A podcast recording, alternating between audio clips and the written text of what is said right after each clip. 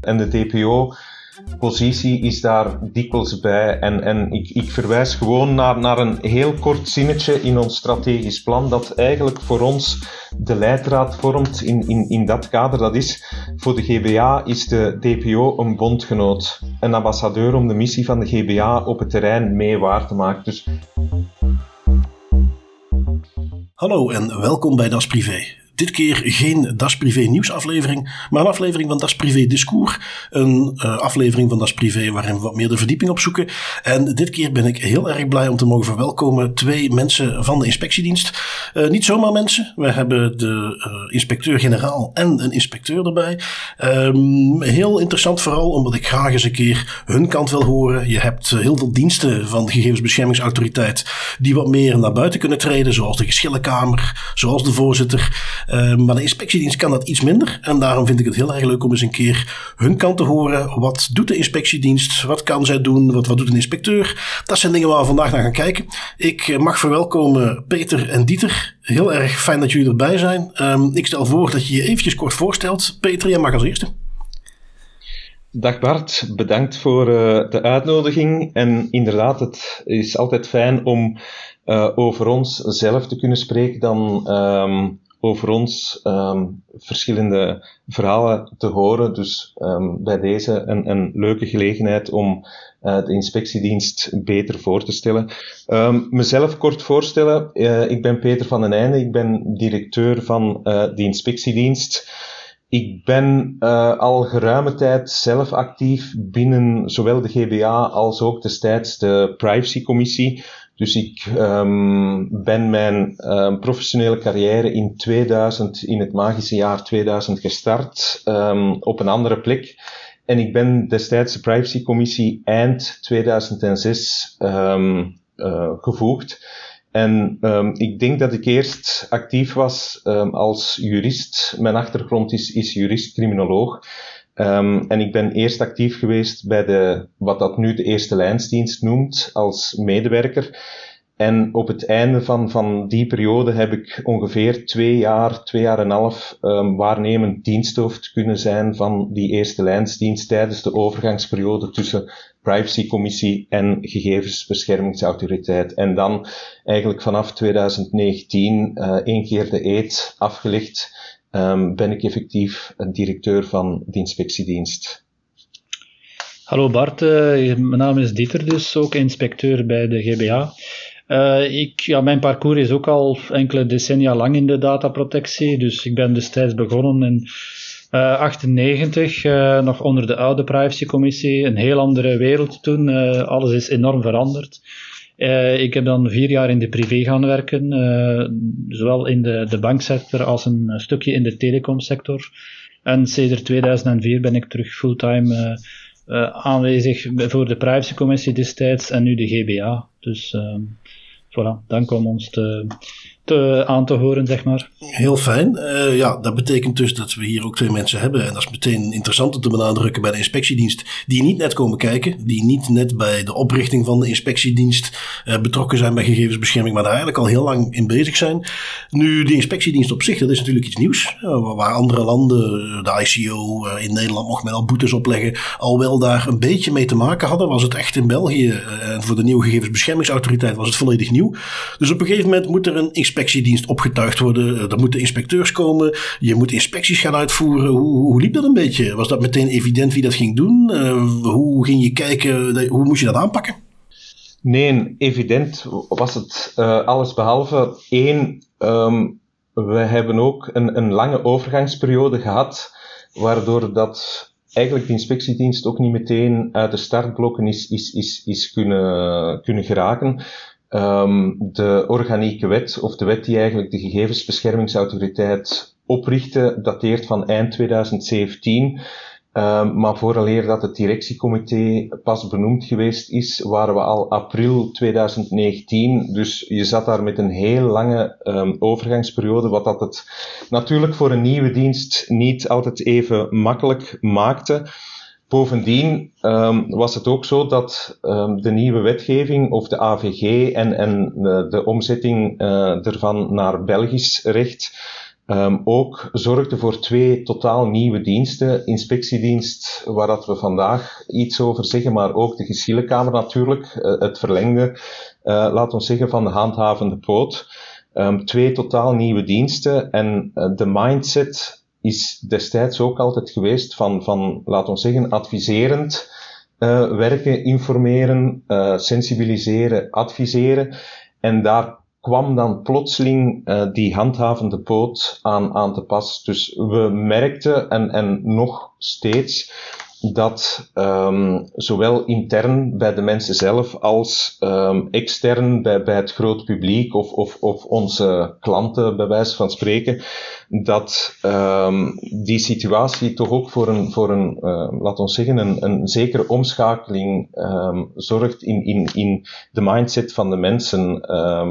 een inspectie is ook geen laten we zeggen, vrijblijvend iets. Uh, het is ook minder dan, dan bij wijze van spreken destijds eerste lijn. We telefoneren even voor een inlichting te vragen of, of we sturen een briefje uit. Uh, inspectie is toch, toch meer dan dat. Dus het, het, het zorgt er toch ook voor, voor een, een, een, een zekere ja, um, verschil in, in, in aanpak. Um, en ik denk dat Dieter als inspecteur daar ook zeker nog, nog kan aanvullen. Ja, dat is inderdaad een serieuze verandering qua stijl, qua werk ook. Uh, ik denk dat we ons ondertussen wel realiseren dat uh, inspectie een métier op zich is. Uh, iets dat je moet leren door de praktijk en dat niet academisch is. Destijds waren we inderdaad vooral bezig met het schrijven van adviezen, ook beantwoorden van vragen. En daar zaten nog een beetje, ja, ook inspecties avant la lettre tussen, maar dat kan je niet vergelijken met hetgeen dat we, dat we vandaag doen uiteindelijk. Dus we zijn enorm gegroeid daarin. Uh, we hebben ook onze fouten moeten maken natuurlijk. Um, dus dat is duidelijk in de rechtspraak van het uh, Martenhof. We nemen uh, het recht van verdeling enorm au serieus. dat moeten we ook doen. En dat is ook iets nieuws voor ons geweest destijds toen dat we die ja, overgangsfase hebben meegemaakt. dat was niet vandaag op morgen op een knop drukken, dat was echt evolueren. met vallen en opstaan, verhissingen behalen, maar ook ervaring opdoen. Uh, en dat gaat nog altijd verder. Dus dat is een continu proces geweest. Um, dus je kan spreken inderdaad van groeipijnen, maar ook meer en meer aandacht voor rechten van verdediging. Uh, weten dat als je iets op papier uh, schrijft, in een verslag bijvoorbeeld, in je bevraging, dat is dat niet zo vrijblijvend gelijk in een advies. Want in een advies zit je met een heel strikte timeline. Je doet wel je opzoekingswerk, maar als er een dringend advies wordt gevraagd, kan dat niet altijd zo diepgaand zijn. Dus dat is echt een heel andere manier van werken. En uh, we moeten ook ja, niet enkel A-charge bij van spreken uh, schrijven, maar ook kijken naar D-charge. Uh, dat is een heel belangrijk element ook, dat we langs de andere kant van het verhaal moeten proberen te kijken soms. Uh, niet op de eerste aanwijzing afgaan. En onderscheid maken tussen aanwijzingen, ernstige aanwijzingen en bewijs in de praktijk. Uh, uh, dat is ook wel heel belangrijk. Uh, terwijl adviezen schrijven, gewoon eenvoudige vragen beantwoorden, een andere métier is, een ander type werk. En kun je dat, dat, dat verschil wat je aangeeft, charge, decharge, aanwijzingen, bewijs, kun je dat eens duiden met een voorbeeldje? Op wat voor manier loop je daar tegenaan? Bijvoorbeeld een, een heel praktisch puntje dat we zeker eh, in de beginperiode um, tegenkwamen, was als we effectief een, een, een tegenpartij, dikwijls de verantwoordelijke uh, van een verwerking, moesten contacteren, kregen we heel snel de reactie, mag ik even bellen om de situatie uh, uit te leggen. Natuurlijk, bellen is, is, is, is op zich wel, wel een, een heel laagdrempelig iets, maar voor een inspectie um, is dat eigenlijk, um, uh, laten we zeggen, te weinig, omdat je natuurlijk um, ook geen feedback of, of, of geen, geen um, laten we zeggen, um, wat dat er gezegd wordt aan telefoon, uh, wordt ook niet meteen uh, in, in een verslag geschreven of dergelijke meer. Dus Um, dat voorbeeld geeft eigenlijk een beetje aan dat, dat er van in het begin wel, wel het idee was, we gaan even informeel een oplossing zoeken en, en we komen er wel uit. En dat was bijvoorbeeld een van de voorbeeldjes om te zeggen dat die mindset van de mensen toch, toch um, zeker in de beginperiode een beetje moest, moest ja, hoe moet ik het zeggen, bijgestuurd worden, uh, omdat we toch in een meer formele procedure zitten en zeker omdat uh, de huidige wetgeving toch um, redelijk procedureel is geschreven um, en, en zo'n informele stap toch moeilijk um, gezet kan worden. Ja, ja. Uh, om op dat punt van die aanwijzingen misschien uh, verder te gaan. Dus als een klager ons, aan ons iets zegt, hè, dus zegt van ja, mijn privacy is geschonden, want mijn werkgever uh, heeft camera's geïnstalleerd. En we hebben niks anders om daarop voor te gaan, dan is dat een loutere aanwijzing, is een bewering. Dus wat wij vaak moeten doen is van kijken, vooraleer dat wij gaan escaleren, want inspectie moet proportioneel blijven. Dat is een soort wapentrekken bijna, dus dat, dat is mensen op kosten jagen, op stress en, enzovoort. Dus dat doe je niet zomaar. En dan kijken we, of bevragen we vaak ook de klager in eerste stap van, kijk, heb je nog iets anders uh, die je verhaal ondersteunt? Heb je, zijn daar, uh, is daar briefwisseling geweest, e-mails, uh, om dat te kunnen sterker aan te brengen en eventueel concrete ja, elementen in de discussie naar voren te brengen. Want het hangt hmm. natuurlijk vaak af van de manier waarop. Uh, gebeurt het transparant of niet transparant? Zijn daar discussies geweest? Dus dat is heel belangrijk om dat te hebben, vooraleer dat je een, een inspectie start. Bewijs is in feite iets waar dat je echt al bijna niet kan betwisten, uh, omdat je zodanig veel aanwijzingen hebt die in één richting wijzen, dat het moeilijk is om te zeggen van ja, dat is totaal niet waar. Hè. Dus dat is ergens uit de praktijk dat we dat onderscheid proberen te maken om daaruit te geraken, omdat we inderdaad vaak ja, klachten krijgen, maar die niet voldoende zijn uitgewerkt, hmm. zal zij zijn goed ondertekend bijvoorbeeld. Nu, dat is misschien uh, een mooi bruggetje naar uh, de bevoegdheden die je hebt als inspecteur om bepaalde dingen uh, te gaan onderzoeken. Um, hoe, hoe, wat mogen jullie doen? Waar, waar, waar, kunnen we het mee vergelijken? Wel, ik, ik denk als je inderdaad daar ook de wet bekijkt, voorziet de wetgeving heel veel, um, of, of toch zeer ruime bevoegdheden. En, en ook, um, zoals dat je in de inleiding aangaf, um, hadden andere landen natuurlijk, bijvoorbeeld ICO, de CNIL, uh, Nederland, de AP, al, al een zekere ervaring met, met misschien geen inspectie in, in, in het woord inspectie zelf, maar toch meer in de handhavende poot. Um, wat dat voor ons absoluut niet het geval was. Um, maar ik denk, als je de wetgeving bekijkt, uh, gaan de bevoegdheden uh, vrij ver. Um, dat gaat, um, laat ons zeggen, hetgeen dat we uh, eigenlijk in het verlengde ligt van wat dat bij de privacycommissie al mogelijk was, is, is de schriftelijke bevraging. Um, dat is een evidente, we schrijven een brief met, met, met een aantal vragen voor bewijs of, of, of uh, voor antwoorden te krijgen. Um, dat is denk ik het, hetgeen het meest gebruikt wordt um, door ons. Maar dan zie je eigenlijk dat daar aan gekoppeld nog een heleboel andere mogelijkheden zijn. We kunnen bijvoorbeeld de bijstand van de politie vragen. We hebben de mogelijkheid voor een bezoek ter plaatse te doen. Er is een mogelijkheid om een verhoor af te nemen, ofwel ter plaatse ofwel hier bij ons op kantoor in, in Brussel. Um, we hebben bijvoorbeeld ook toegang tot een aantal databanken. Uh, de meest voorkomende, of degene die we het meest gebruiken, is bijvoorbeeld de Kruispuntbank van Ondernemingen. Je hebt daar natuurlijk de, laten we zeggen, uh, de, de public search, zoals het heet, die voor iedereen toegankelijk is. Maar je hebt ook daarnaast nog een, een toegang die, die meer functionaliteiten voorziet, waar dat wij ook toegang tot hebben.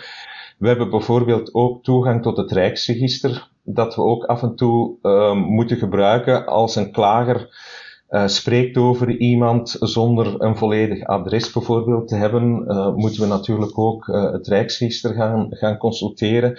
We hebben in de loop um, van onze ervaring van onze drie jaar bijvoorbeeld ook al um, akkoorden met een aantal organisaties uh, afgesloten. Het, het meest in het oog springende was daar bijvoorbeeld um, een akkoord met DNS om eventueel um, eigenlijk twee, tweeërlei, uh, om bijvoorbeeld ook de identiteit te kunnen achterhalen van uh, iemand die achter een website zit, want het is ook niet altijd even evident om de website-eigenaar na te gaan.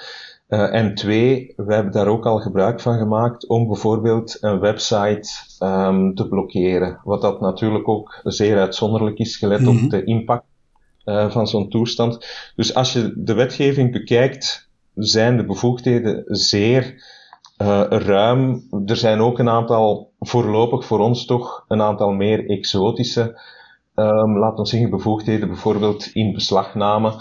Um, van bepaalde documenten. En dat gaat zelfs niet alleen over fysieke documenten, bijvoorbeeld uh, contracten of overeenkomsten, maar het kan ook gaan over ja, bijvoorbeeld een server in beslag nemen of, of bepaalde, um, laten we zeggen, uh, documenten op, op een computer, op een server. Dus de bevoegdheden zijn, zijn op dat vlak wel uh, zeer ruim, laten we zeggen. Misschien ook um, een beetje, uh, zoals gezegd, uh, exotisch, in, in, in, zeker in deze fase, omdat we nog onszelf ook nog, natuurlijk nog altijd verder aan het, aan het uitvinden zijn. heel concreet mm. voorbeeld is daar bijvoorbeeld net voor corona uh, zijn we gestart met plaatsbezoeken en verhoren, omdat het natuurlijk ook zowel voor mij als voor de inspecteurs, zoals Dieter, iets totaal nieuws is, waar je toch ook rekening moet uh, houden met een heleboel omstandigheden, rechten van verdediging, ga je onverwacht een bezoek brengen, ga je het aankondigen, kondig je het dan op, op tijd aan of, of heel kort, kort dag. Um, waren we eigenlijk net gestart voor corona met um, laten we zeggen, wel um, positieve uh, feedback. Maar we zagen toch ook dat, dat het niet evident is voor, voor ons om, om zomaar te gaan starten met, met, met verhoren. Um, en dan hebben we ook het idee gehad, oké, okay, we gaan proberen een opleiding te volgen, want een verhoortechniek is toch ook iets, een métier apart. Mm -hmm. um, en dan is natuurlijk meteen corona daartussen komen, komen fietsen wat dat bijvoorbeeld uh, het niet evident maakte om uh, bijvoorbeeld zo'n een verhoor ofwel ter plaatse of zelfs hier in een uh, kantoorruimte met, met snel 6, 7, 8 mensen te gaan organiseren. Dus nee, we hebben bijvoorbeeld... Dieter, als ik dat wat concreet probeer te maken, en ik zoek een beetje de, de misschien de wat extremen op, maar betekent dat dan dat jij met een, een donker jasje met GBA op de achterkant en je legitimatiebewijs in de aanslag aan mag kloppen, onaangekondigd bij een deur en zeggen, doe open inspectiedienst GBA? Zijn misschien wat clichés die, uh, ik weet waar je naar verwijst hebt ooit op uh, de site van Das Privé, de, de mannen van de ICO uh, gepubliceerd daar een foto met die, met die blauwe jasjes. Ik volg ook Das Privé trouwens. Um, ja, dat is een beetje ver van de praktijk, denk ik. Hoewel dat we natuurlijk ons moeten legitimeren, hè, dus dat legitimatiebewijs, maar dat is belangen na niet zo flashy, denk ik, als hetgeen dat je ziet op de tv of zo. Maar het zou kunnen, uh, als ik het hoor.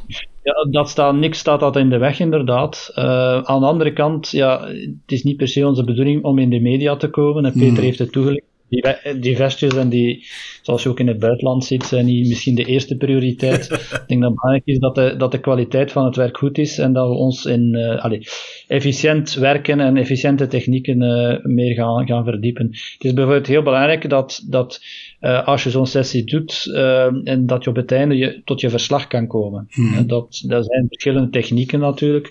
Maar uh, een van de betere methodes is dat je um, tot een gezamenlijk verslag kan komen. Die wordt getekend door de ondervraagde. Dat moet niet altijd de verantwoordelijke zijn. Dat mag een andere partij zijn, bijvoorbeeld, die ook kennis geeft van, van het dossier. Um, en dat je zo kan komen tot correcte vaststellingen, die dus ook worden getekend. En dan kan je dat ook in je dossier steken. Dat is voor ons, denk ik, belangrijker dan dat jasje misschien, uh, maar ja goed. Uh. Ja, ik, ik, denk dat het ook niet zo even evident is, nog, nog voor ons, nog voor de, de partij waar dat we langskomen of, of die we uitnodigen, want je hebt meteen twee, drie inspecteurs voor jouw neus. Um, het is toch qua impact veel, veel groter dan bijvoorbeeld ja, een briefje dat je, dat je krijgt en waar dat je hmm. binnen twee, drie, vier weken op, op, op kan antwoorden, rustig jouw documentatie verzamelen Um, we merken ook bij de tegenpartij dat zo'n verhoor of een bezoek ter plaatse toch een zekere impact heeft. Um, we hebben ook um, lang nagedacht. de wet laat ons daar eigenlijk vrij in of dat we onverwacht zouden langskomen of eventueel aangekondigd. Maar ik denk op, op basis van ervaring ook van andere landen, bijvoorbeeld KNIL, mm. um, is het denk ik ook iets makkelijker om, um, laten we zeggen, een bezoek aan te kondigen. Um, geen week op voorhand of twee weken op voorhand om, om de mensen te veel ruimte te laten, maar toch enkele dagen op voorhand dat je ook zeker bent dat de juiste persoon uh, op dat moment ook uh, aanwezig is en dat je daar niet uh, een verplaatsing maakt voor, voor niets. Om nog één specifiek dingetje van die bevoegdheden erbij te halen. Ik zag daar ook iets staan van de mogelijkheid om te identificeren. Je gaf al aan het contact met DNS, toegang tot Rijksregister. Betekent dat jullie bijvoorbeeld ook bij Proximus of Telenet uh, mogen opvragen wie zit er achter een IP-adres uh, of een gsm-nummer? Ja, inderdaad. Dus we hebben in, in enkele dossiers ook al um, contact gehad met bepaalde telecomoperatoren om effectief iemand beter te kunnen identificeren als er ja, in, in, een, in een dossier louter sprake is van bijvoorbeeld een gsm-nummer, dat we daar inderdaad de, persoon achter het nummer kunnen identificeren. Dus dat is ook een van die uh, mogelijkheden. Een andere mogelijkheid die we ook al uh, bijvoorbeeld recent hebben gebruikt, uh, is bijstand van de politie. Um, en dat handelt bijvoorbeeld in dossiers met, met camera's, met bewakingscamera's, um, dat het voor ons natuurlijk niet altijd even evident is om ter plaatse te gaan. Bijvoorbeeld om, om um, onaangekondigd te kijken, hangt er bijvoorbeeld een pictogram of, of staan er inderdaad camera's en hoe zijn ze gericht? Dat we bijvoorbeeld aan de lokale politie um, via de wijkagent vragen om, om uh, even langs te gaan, omdat het voor hun, voor de lokale politie en die wijkagent veel makkelijker is. Mhm. Natuurlijk, zij kennen ook de situatie ter, ter plaatse. En tot op heden hebben we daar ook altijd een, een, een goede een, uh, samenwerking met, met, met, okay. met die mensen. Wat men dan uh, zo mooi zegt, met uh, misschien uh, om het cliché een beetje aan te passen, met grote bevoegdheden komt een grote verantwoordelijkheid. wie wordt er inspecteur? Bijvoorbeeld Dieter, hoe, hoe ben jij inspecteur geworden? Ja, voor mij is dat meer natuurlijk gegroeid, zou ik bijna zeggen, omdat ik al werkte natuurlijk voor de organisatie en dat er al een beetje inspecties avant la lettre werden gedaan. Dus dat was dan meestal eenvoudige bevragingen. Alleen ja, niet in de context die we vandaag kennen. Dus uh, toen dat er op een gegeven moment ja, uh, vacatures moesten worden ingevuld, uh, er waren posten, dan heb ik mij kandidaat gesteld intern.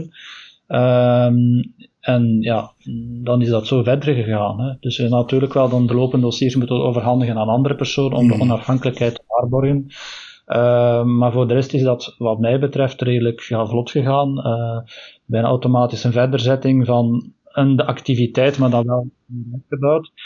Uh, een aantal collega's zijn via examens binnengekomen, uh, dus uh, wat, wat de normale gang van zaken is. Ja, ik, ik, denk dat we nu momenteel met de mensen die, die nu bij inspectiedienst werken, er een, een, een, een mix is tussen mensen die al oorspronkelijk bij de privacycommissie werkten destijds en waar dat er inderdaad een oproep intern geweest is wie wenst inspecteur te worden.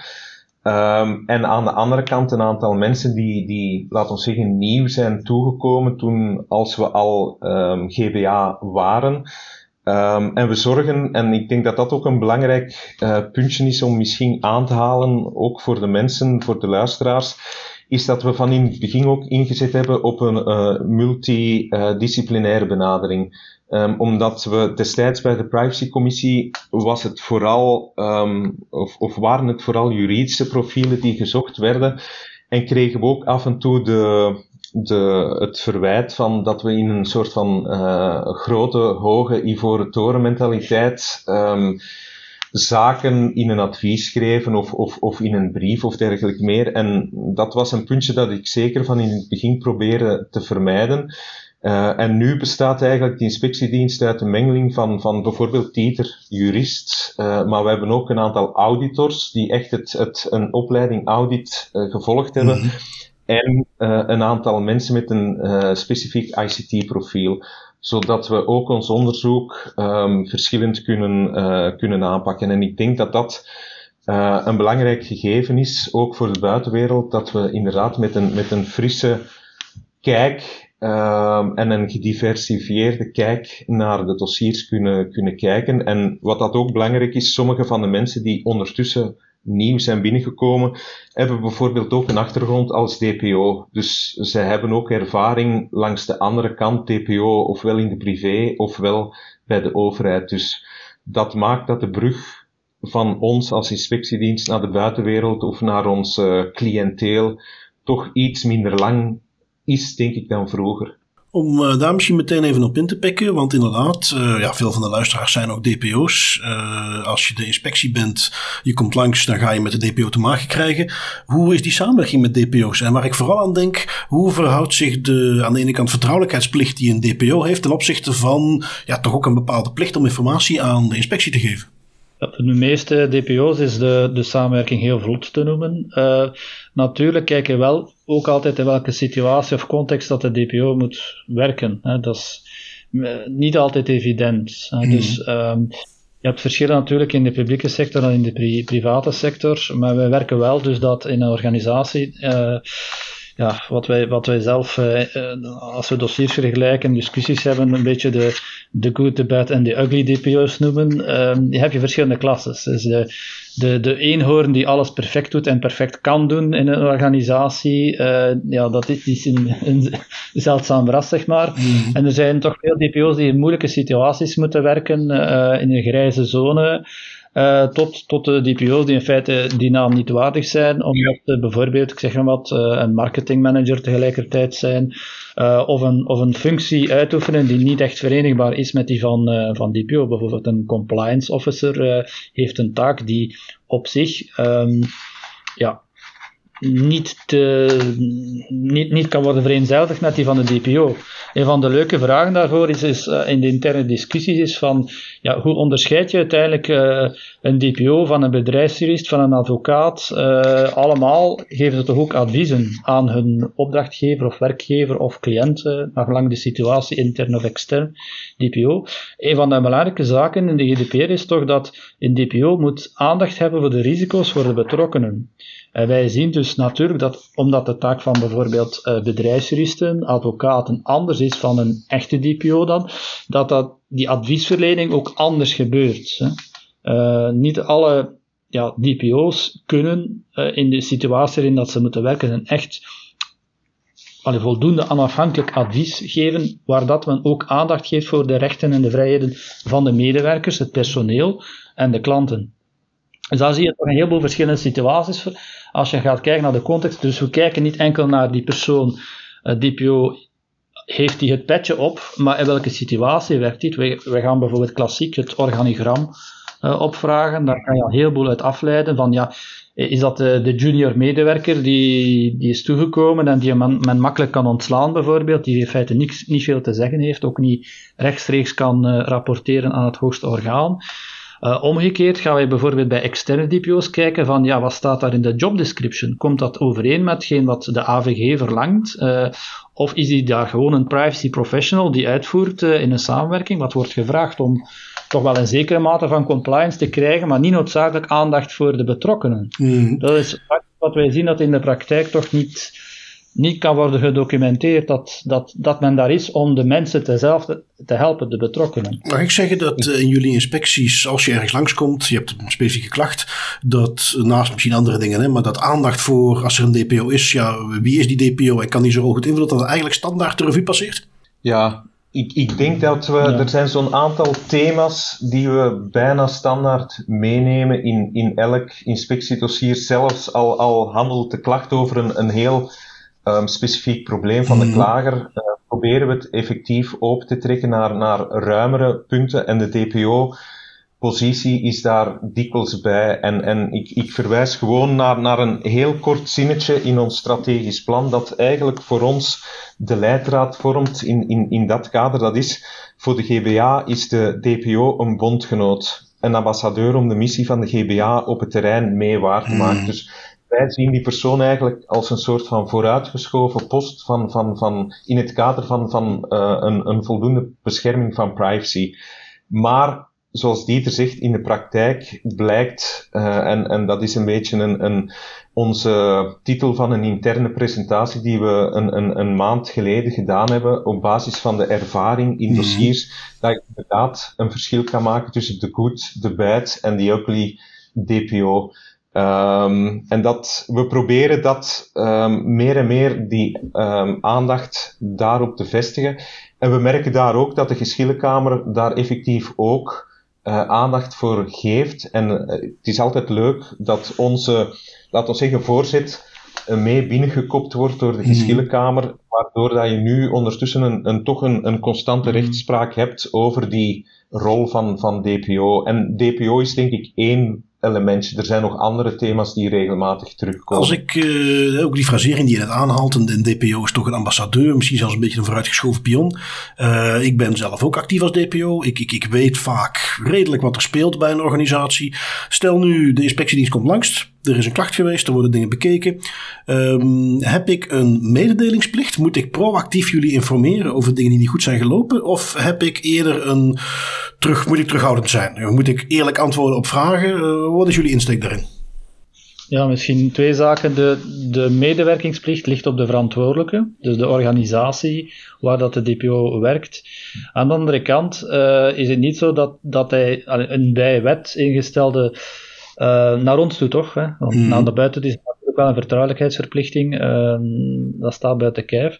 Maar het is niet zo dat, dat zoals voor een bedrijfsjurist, als een advocaat naar, naar een cliënt of naar de, de werkgever toe, dat daar een wettelijk geregeld beroepsgeheim is naar ons toe. Dat is toch een, een belangrijke nuance. En wij merken wel dat er uh, daarom ook vanuit DPO's naar ons toe niet echt een allee, de meerderheid van de gevallen niet echt een probleem ons, is om ons informatie te bezorgen. Toch niet wat veel DPO's betreft. Maar natuurlijk, de relatie met bereisjuristen en advocaten is heel anders. Daar gaat men de zich beroepen op een beroepsgeheim.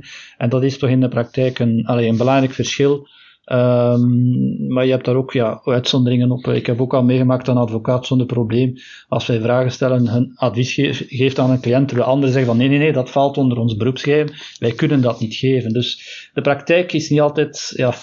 Ja, en, en, en ik denk om daarop aan te vullen dat, dat we ook al echo's van DPO's gehoord hebben dat uh, het soms interessant is dat de GBA, Inspectiedienst Geschillenkamer, aandacht heeft voor hun functie, omdat ze soms ook in een, in een soort van tweespalt zitten tussen, ja, als DPO heb je de rol van, van oké, bescherming van privacy, je hebt dan de verantwoordelijke die ook andere belangen heeft, en dat het voor de DPO ook niet noodzakelijk makkelijk werken is om die twee belangen te gaan, te gaan verzoenen met elkaar, en dat het dan soms leuk is dat de druk van de schouders van die DPO wordt, wordt weggehaald en dat wij eigenlijk ook een aantal aandachtspunten aan die verantwoordelijke kunnen, kunnen meegeven, die eigenlijk de DPO soms ook al meegegeven heeft, maar waar dat niet noodzakelijk altijd even hard naar geluisterd wordt, wegens een heleboel redenen of prioriteiten of dergelijke meer. Dus op dat vlak proberen we ook, laten we zeggen, de DPO een beetje mee um, te faciliteren.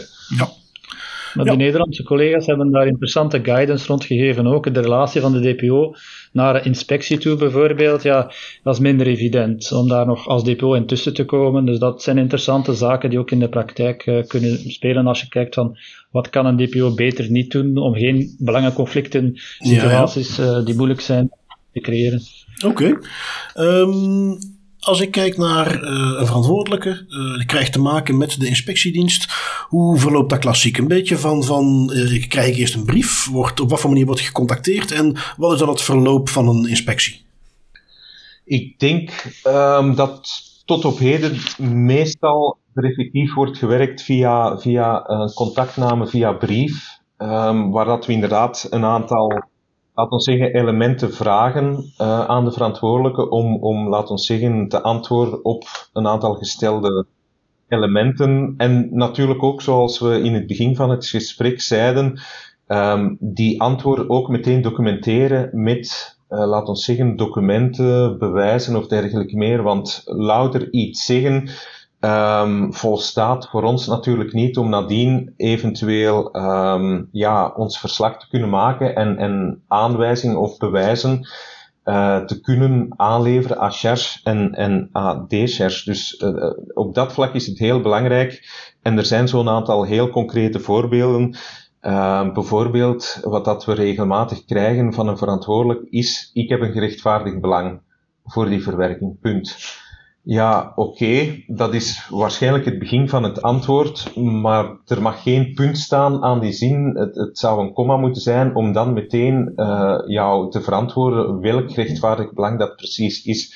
Dus voor ons is dat een, een, een heel belangrijk element. Dat, dat Daar misschien uh, even op in te springen, want dat is uh, ook een klein stokpaardje van mij. Op het moment dat je je als verantwoordelijke beroept op je gerechtvaardig belang, ja, dan moet je daar een bepaalde verantwoording voor kunnen overleggen. Je hebt een bepaalde balansoefening die je uitgevoerd moet hebben. En dat is dus ook iets waar ik van mag verwachten dat de inspectiedienst die gaat opvragen. Ja, dat gaan wij inderdaad bevragen. Uh, maar dan merk je dat je vaak niet veel antwoord krijgt op die vraag. Dus uh, het belangrijkste is dat men natuurlijk die, die, de risicoafweging goed moet kunnen, kan, kunnen documenteren. En het verhaal dat wij vaak krijgen is zeer beperkt. Ik heb een gerechtvaardigd belang, punt. Hmm. Uh, het is niet zo dat, daar, ehm, ja, dat wij daar advies moeten geven natuurlijk. Dus als men dan in die zin uh, ja, verlangt dat wij daarop ingaan, als wij gewoon vaststellen van men beroept zich daarop, men legt het niet uit, gaan wij niet moeten adviseren, maar leg dan een keer verder uit en dat verder bevragen uh, om in feite hun een dienst te geven. Als wij duidelijk zien, ook op andere vlakken bijvoorbeeld, is er geen PIA gebeurd waar er een, een PIA zou moeten gebeurd zijn. Uh, als wij vaststellen dat op meerdere vlakken men niet die inspanning heeft genomen, het niet heeft gezien, maar denkt van oké, okay, het is genoeg als ik mij beroep op mijn gerechtvaardig belang, gaan wij hen ook niet corrigeren natuurlijk. Ergens moet onze ja, functie ook stoppen en mm. de adviseur en controleurs ja, En, en ik denk, alleen voor de luisteraars is het misschien ook interessant dat wij um, ons, ons voor, die, voor dat gerechtvaardig belang altijd laten leiden door zowel de rechtspraak van het uh, Europees Hof van Justitie als de geschillenkamer die eigenlijk die rechtspraak gewoon heeft meegenomen. En gewoon die drie, drie trapsraket uh, hanteren, waar dat effectief altijd bij de derde stap de meeste problemen zijn. Dat is die, die, die balans tussen de verschillende rechten in, mm. in evenwicht proberen te, te plaatsen. En dan merk je mm. inderdaad dat er nog een, een, een, niet bij iedere verantwoordelijke, je merkt dat het altijd beter en beter wordt, maar dat die verantwoordingsplicht of het nadenken en zich kunnen verantwoorden waarom dat er een, bepaalde verwerking gebeurd is, dat die nog niet overal even hard is, is ingeburgerd. Ja. Concreet in bijvoorbeeld de direct marketingsector is het heel gebruikelijk om zich heel vlug te beroepen op een gerechtvaardig belang. Uh, soms zit men daar uh, inderdaad met databronnen die niet echt publiek of transparant zijn. Een beetje publieke data, een beetje van datahandelaars. Maar men is daar totaal niet transparant over. Dus om dan nog te gaan beroepen op je gerechtvaardigd belang, wetende dat de hele verwerking of een groot deel van de ketting totaal niet transparant is, dat mensen niet eens hun rechten kunnen uitoefenen. Ja, als men dat niet inziet, dan moeten wij dat niet uitleggen, dan kom je redelijk vlug tot de vaststelling dat gerechtvaardigd belang, de, u daarop beroepen in die situatie, lijkt niet echt uh, Nee, nee, nee, nee. Je ziet dat ook terugkomen in beslissingen van de geschillenkamer, waarin ze toch, en dat vind ik eigenlijk heel netjes, vaak die drie trapsraket even aflopen en meegeven waarom dat hier niet van toepassing is. Nu, je haalde net iets aan, Peter, en daar ben ik wel benieuwd naar. Um, want ja, goed, we hebben alles benoemd. Ja, inspectie, dat was nieuw. We moeten ons ook wel ontwikkelen. We, worden daar zelf ook steeds beter in. Omgekeerd vanuit de verantwoordelijke merk je een, een verhoogde maturiteit nu we een aantal jaren verder zijn versus de, de eerste inspecties die je deed. En nu dat men toch die GDPR wat beter begrijpt, wat beter toepast, dat daar echt wel een evolutie in zit? Ik denk wel dat er een, een, een evolutie te merken is in, in de positieve zin van het woord. Maar toch merk je hmm. dat dat um, vooral over die verantwoordingsplicht er bij sommigen nog altijd um, toch, toch ofwel bewust of, of onbewust, dat laat ik in het hmm. midden, dat er daar toch nog altijd um, problemen te ontdekken zijn. Dat, dat je inderdaad ziet dat, dat mensen, en dat, dat is bijvoorbeeld naast TPO, is, is bijvoorbeeld een van de topics die we ook meestal meenemen in een inspectiedossier, is bijvoorbeeld het register. Um, en daar zie je wel inderdaad een evolutie, dat, dat meer en meer verantwoordelijken een, een, een deftig register op poten zitten en het ook kunnen voorleggen aan ons. Maar je blijft toch nog met sommige verantwoordelijken uh, zitten die hun register eigenlijk op, op, op weinig of, of niet strekt. En eigenlijk zo'n register, uh, het, het, is ook niet om, om, om de verantwoordelijke het leven moeilijk te maken. Het is eigenlijk voor, zelfs voor hun een praktisch instrument. Uh, als je een, een, een deftig register hebt, dan weet je ook dat je moet, moet nadenken over jouw verwerkingen en, en, en Um, is, is zo'n register opstellen eigenlijk perfect hulpmiddel om, om, om die accountability of die verantwoordingsplicht te kunnen voldoen, mochten wij effectief uh, op een bepaald moment aan de deur komen kloppen. Ehm, en je merkt dat daar toch af en toe nog, nog, nog steken worden, eh, of, of, of dat er... Ja. ja. Het, valt mij persoonlijk na vier jaar op, dus dat, allee, bijna vier jaar toch, dat de GDPR zou moeten worden nageleefd, dat je nog altijd websites vindt zonder enige privacyverklaring en geen enkel cookiebeleid. En dat is bijna nog zelfs courant te noemen. Dus misschien krijgen wij uh, enkel het slechte kant van de zaak te zien. Dus de, de slechtste zaken komen bij ons. We moeten worden geïnspecteerd en zijn we misschien bevooroordeeld daarin of uh, hebben we negatieve, misschien te negatieve kijk daarop om een positieve evolutie te zien. Misschien vanuit de invalshoek van een DPO zie je daar inderdaad meer bewegen, omdat je meer wordt bevraagd. Uh, maar mij valt het echt op dat veel basic zaken vandaag nog altijd niet in orde zijn. Zaken die direct zichtbaar zijn op uh, bepaalde professionals en website. Ik heb ooit meegemaakt een DPO waar dat je naar de, de website gaat, dat geen beveiligd verkeer mogelijk is, en men verwijst qua prijsverklaring naar een verklaring van Google. Dat zijn zaken die, ja, die, die, niet, na vier jaar tijd, uh, en voor mensen die professioneel bezig zijn, geen KMO's bijvoorbeeld, dat ik nog altijd niet goed begrijp van, ja, dat zie je nog altijd en dat, dat blijft verder gaan. Het is, het is wat dat betreft natuurlijk ook misschien in die zin een vertekend beeld voor jullie, want wat er bij jullie terechtkomt zijn per definitie mensen waar er een aanleiding is, waar er een klacht is. Hmm. Uh, dus je, je zult natuurlijk de slechtste jongens en meisjes van de klas uh, op je bord krijgen. Um, misschien is dat een uitdaging om niet te cynisch te worden. Nee, dat, dat is altijd een gevaar om, om, om altijd het, het slechte enkel boven te halen. Natuurlijk, we hebben bijvoorbeeld recent of, of, of een klein jaar geleden ook van een, een grote speler uh, bijvoorbeeld geen register kunnen krijgen of, of in, in, in stukken en brokken. En dan denk ik ook van, ja, na, na zoveel jaar GDPR en, en oké, okay, 2018 mm. is zo'n beetje het, het, het, het eikpunt, maar eigenlijk was, was, was de GDPR van 2016 al, al gekend en, en had je als verantwoordelijk mm. op dat moment al, al best de praktijk om stilaan jouw, jouw praktijken mm. aan te passen. Als je dan, zoals Dieter zegt, anno 2022 een aantal, ja, laten we zeggen, evidente zaken niet kan, kan, kan verantwoorden of, of, of een HTTPS-verbinding of een mm. cookie policy, dan, dan denk ik inderdaad van, van is dat bewust of, of effectief onbewust? Want er is toch en meer aandacht voor de GDPR of de AVG uiteindelijk ook gekomen. Ja, om dat misschien uh, voor uh, de luisteraars ook nog even te verduidelijken. We, we, laten het woordje verantwoordingsplicht hier een paar keer vallen. Een belangrijke verandering in de GDPR. Dat is een woordje wat eigenlijk maar één keer voorkomt in de GDPR. Maar wat misschien wel een van de belangrijkste woordjes is. Je moet kunnen aantonen waarom je dingen doet, waarom je dingen mag doen. Dat is een, een, wijziging. Dus dat is wat men bedoelt met die verantwoordingsplicht. Er is een, een, echt wel een plicht om te kunnen onderbouwen waarom je dingen met persoonsgegevens doet. En dat register, ja, dat is een, een fundamenteel document dat je moet hebben waarin je gewoon oplijst wat doen wij allemaal met persoonsgegevens, welke gegevens zijn dat, aan wie geven we die door. En vandaar dat eh, je daar vanuit een inspectiedienst toch zegt, dat zijn voor ons echt de, de basale aspecten waar we naar op zoek zijn. Um, ja, waarbij je dan toch merkt dat er een aantal uh, zeker nog niet in orde zijn. Uh, wat ik graag ook nog even wilde doen, um, is stilstaan bij ja, wat zal ik zeggen, eh, wat puntjes van kritiek. Als ik kijk in, in, de sector, ik, ik kom vaak met mensen in aanraking die met de inspectienieuws te maken hebben gekregen. En waar ik vooral benieuwd naar ben, uh, is dan van ja, wat is daar van, van jullie kant? Wat zit daarachter? Uh, hoe loop je daar tegenaan? Kijken jullie daarnaar? Um, iets wat ik eerst eens wilde meegeven, waarbij ik ergens wel kan inschatten wat het antwoord is. Um, maar goed, dat is niet aan mij natuurlijk. termijnen van antwoord. Je, je ontvangt een brief van de inspectiedienst. wat ik zelf wel eens gezien heb, is je moet daar binnen een week of twee op antwoorden. Um, is dat niet een beetje kort?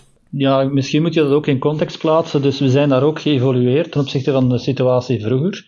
Vroeger was de situatie, ja, dat was nog geen echte inspecties. Je kreeg een brief, soms niet altijd een termijn, soms een termijn van een maand. En uiteindelijk, ja, door ervaring zie je dat dat geen druk op reactie eh, creëert. Hè. Dus we hadden natuurlijk geen medewerkingsplicht, maar men deed een beetje ja, uh, wat men wou. En dan kreeg je niet altijd allez, je materiaal Um, dat is natuurlijk veranderd, dus we hebben ook wel gezien dat, dat het nodig is om uh, termijnen op te leggen die iets strikter zijn dan die maand. En daar zit ook een logica in. Dus in, in dat discussie en, en veel gevallen, uh, ze hebben gezegd, ja kijk, we maken een onderscheid. Uh, er zijn zaken die uh, een beetje zoals ja, de belastingcontroleur, uh, niet iedereen ziet er graag langskomen, maar dat gebeurt bij sommigen, zeker de zelfstandigen. Die krijgen een belastingcontroleur en wat moet je dan kunnen voorleggen? Ja, je, ja, je boekhouding. Uh, ik ben geen, geen belastingconsulent of zo, maar de, je btw-bonnetjes. Dat moet en die word je geacht om paraat te hebben. En voilà, dus, en dat is met de GDPR net hetzelfde. Dus je moet zaken hebben, uh, zoals bijvoorbeeld een register. Um, een privacybeleid zou office op je site moeten staan, maar als het niet is, dat zijn zaken die wij zeggen van kijk, dat moet je hebben, dat moet je onmiddellijk kunnen geven. Onmiddellijk betekent dan binnen de zeven dagen, wat wij nog redelijk vinden, want in feite als we langskomen, zou men het op tafel moeten kunnen leggen. Dus die zeven dagen uh, kan misschien uh, krap lijken, maar dat passen we toe voor de zaken die je echt moet hebben. En, want je hebt dit of je hebt dit niet. Mm. Daar gaan we niet over debatteren. Uh, als je dat niet geeft natuurlijk, dan merken wij soms dat uh, stukken worden geredacteerd nadat we het gevraagd hebben. Dat zie je soms aan ja, de context natuurlijk ook, kan je dat afleiden. Mm -hmm. dus dat men nog snel dingen heeft toegevoegd bedoel je? Ja, voilà. Dus, en soms zien wij daar in de metatags uh, gekende privacyadviseurs verschijnen hun namen. mensen die actief zijn al enkele jaren. Uh, en ja, dat, dat maakt dan duidelijk dat men gewoon een template heeft genomen en daar wat ingevuld, ondertekend en voilà, dat is ons register. Hè. Dus, maar vorige week hadden we er nog geen en dat kan men dan niet aantonen. Mm. Uh, daarnaast heb je natuurlijk dat we de iets langere termijn gaan, gaan toelaten om ja, stukken te bezorgen die wat meer overleg vragen. Iets dat je moet, een antwoord dat je moet uh, redacteren in overleg met verschillende diensten, bijvoorbeeld met je raadsman, want wij vinden wel degelijk het recht op verdediging heel belangrijk. Hè. Niet iedereen is ja, mondig of, of kent die, de juiste termen van de GDPR. Hè. Dat, dat beseffen wij ook. We willen niet zomaar iemand vastpinnen of verrassen om gelijk wat te krijgen. Dus men moet de gelegenheid hebben om toch in overleg met de advocaat een correct antwoord te bezorgen. Anderzijds mag die termijn ook niet te lang zijn. Ja, bijvoorbeeld een advocaat zegt, ja, je hebt dat gekregen, maar uh, ik moet net met vakantie um, en dat zal na het verlof zijn, want het is nu, uh, dat zal enkele weken duren. Uh, maar uh, we hebben het ook meegemaakt bij het begin van COVID bijvoorbeeld. Uh, dat kregen we vaak vandaag minder. ja, um, we zijn sowieso gesloten, onze winkels. Dat gaat nog heel lang duren. Terwijl men bijvoorbeeld de website blijft open. Je kan nog bestellen. Dus we kijken dan wel naar de situatie waar je zit. En dan, men kan dan een, aanvullende termijn vragen, bovenop de drie weken. Maar we kijken altijd, is het gerechtvaardigd? Hè?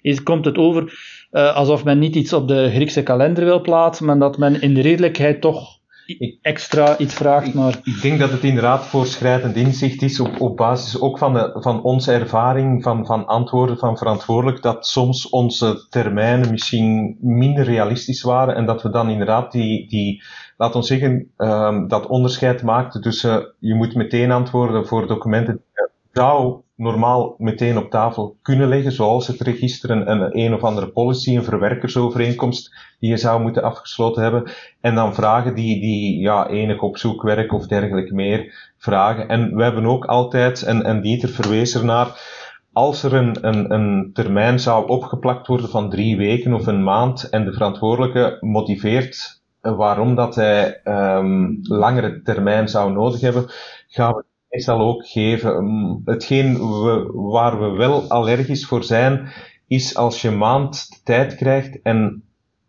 één maand min één dag, mm komt er een vraag van, ah, mogen we een, een uitstel krijgen? Ja dan gaan we meestal ervan uit dat er daar iets, iets mis is. Dus het is tegelijkertijd, uh, aan de ene kant mag je verwachten dat veel van de dingen die opvraagt er ook wel zijn. Uh, en dan een termijn niet lang hoeft te zijn. Misschien aan de andere kant, ook iets wat ik mezelf nu uh, eigenlijk wat besef. Ja, het is geen theekransje, het is geen informeel overleg. Je hebt iets gedaan waardoor de inspectiedienst langskomt. En ja, dat is nu helemaal, dit is het termijn en daarbinnen moet je het doen.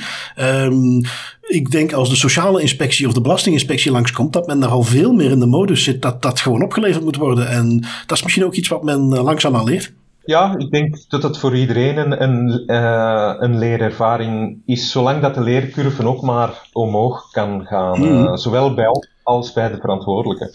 Ik um, denk aan uh, iets wat er al een beetje op volgt. Goed, wij als verantwoordelijke moeten redelijk snel opleveren. Dan ligt dat bij de inspectiedienst. Ja, en dan, dan horen wij een tijd niks. Uh, is dat puur een kwestie van, ja, we hebben te weinig mensen? Of zit daar nog iets anders achter? Hoe, hoe, hoe komt dat? Ik denk dat het inderdaad een, een, een mix is. Dieter gaat misschien meer vanuit, vanuit eh, zijn, zijn rol van inspecteur uh, antwoorden. Ik ga misschien meer vanuit mijn rol van directeur. Um, een deel van het verhaal is effectief, denk ik, uh, weinig of te weinig middelen.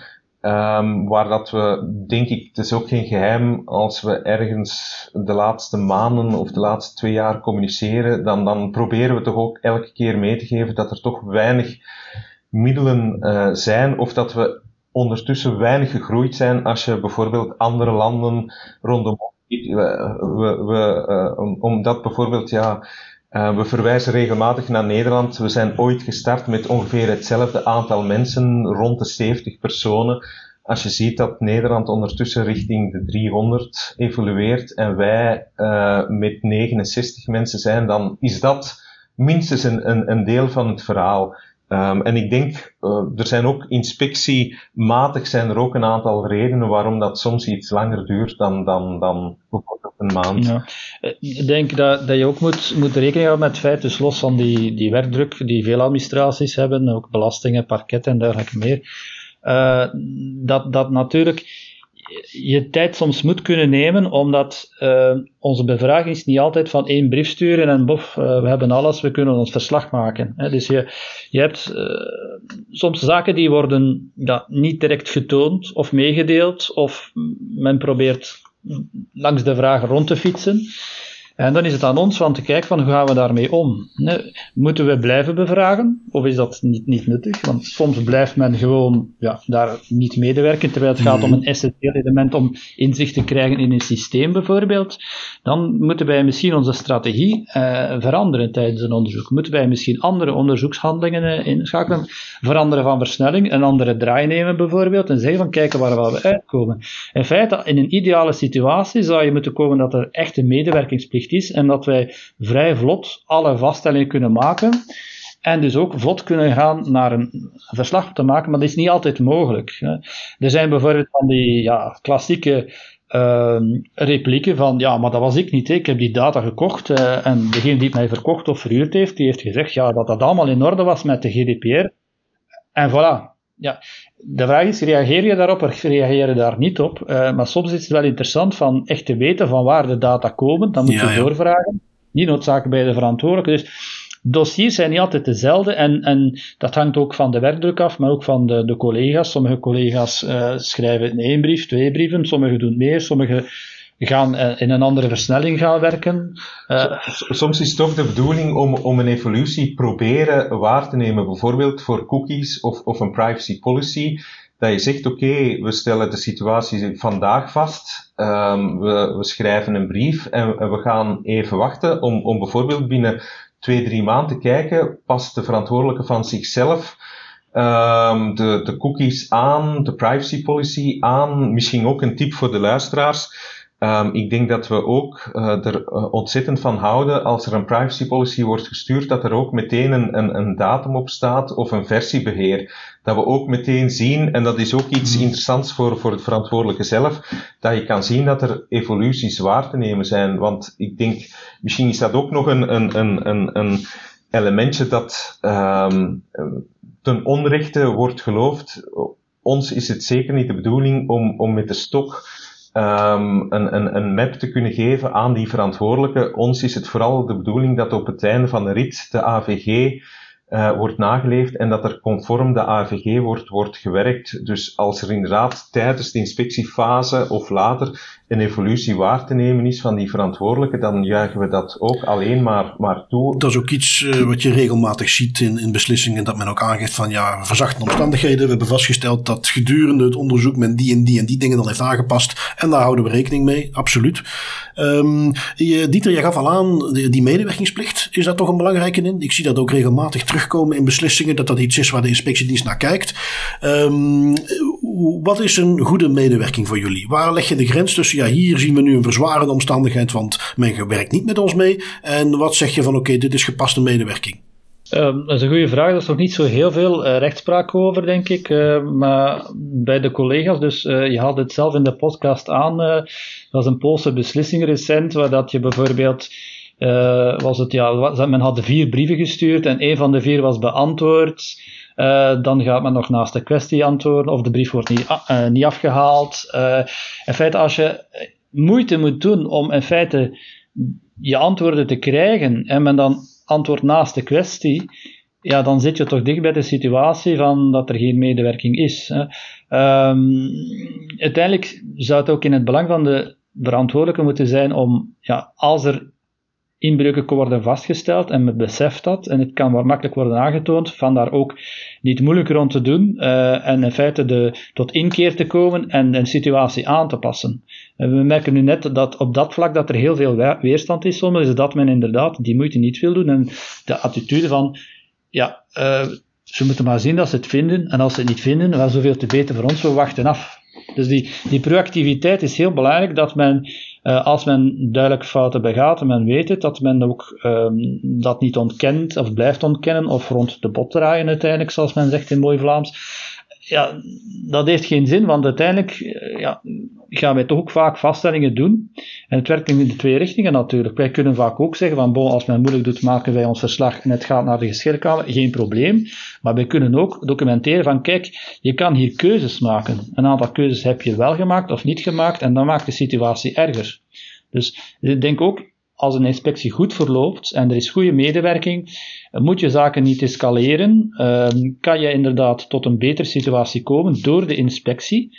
Um, en kan je inderdaad dan, als je voor de geschillenkamer komt, met een properder dossier komen, in plaats van, ja, uh, we hebben verschillende pogingen moeten doen, we kregen geen reactie, we hebben dan ergens anders moeten vragen, we hebben het dan toch gekregen. Dat gaat dan in tegenspraak met hetgeen dat men initieel heeft beweerd. Men heeft foutinformatie gestuurd naar de betrokkenen, men wil dan niet uh, recht trekken, of wel. Het zijn allemaal factoren die, die meespelen, die we in feite kunnen afwegen. Het is vaak niet één element ook.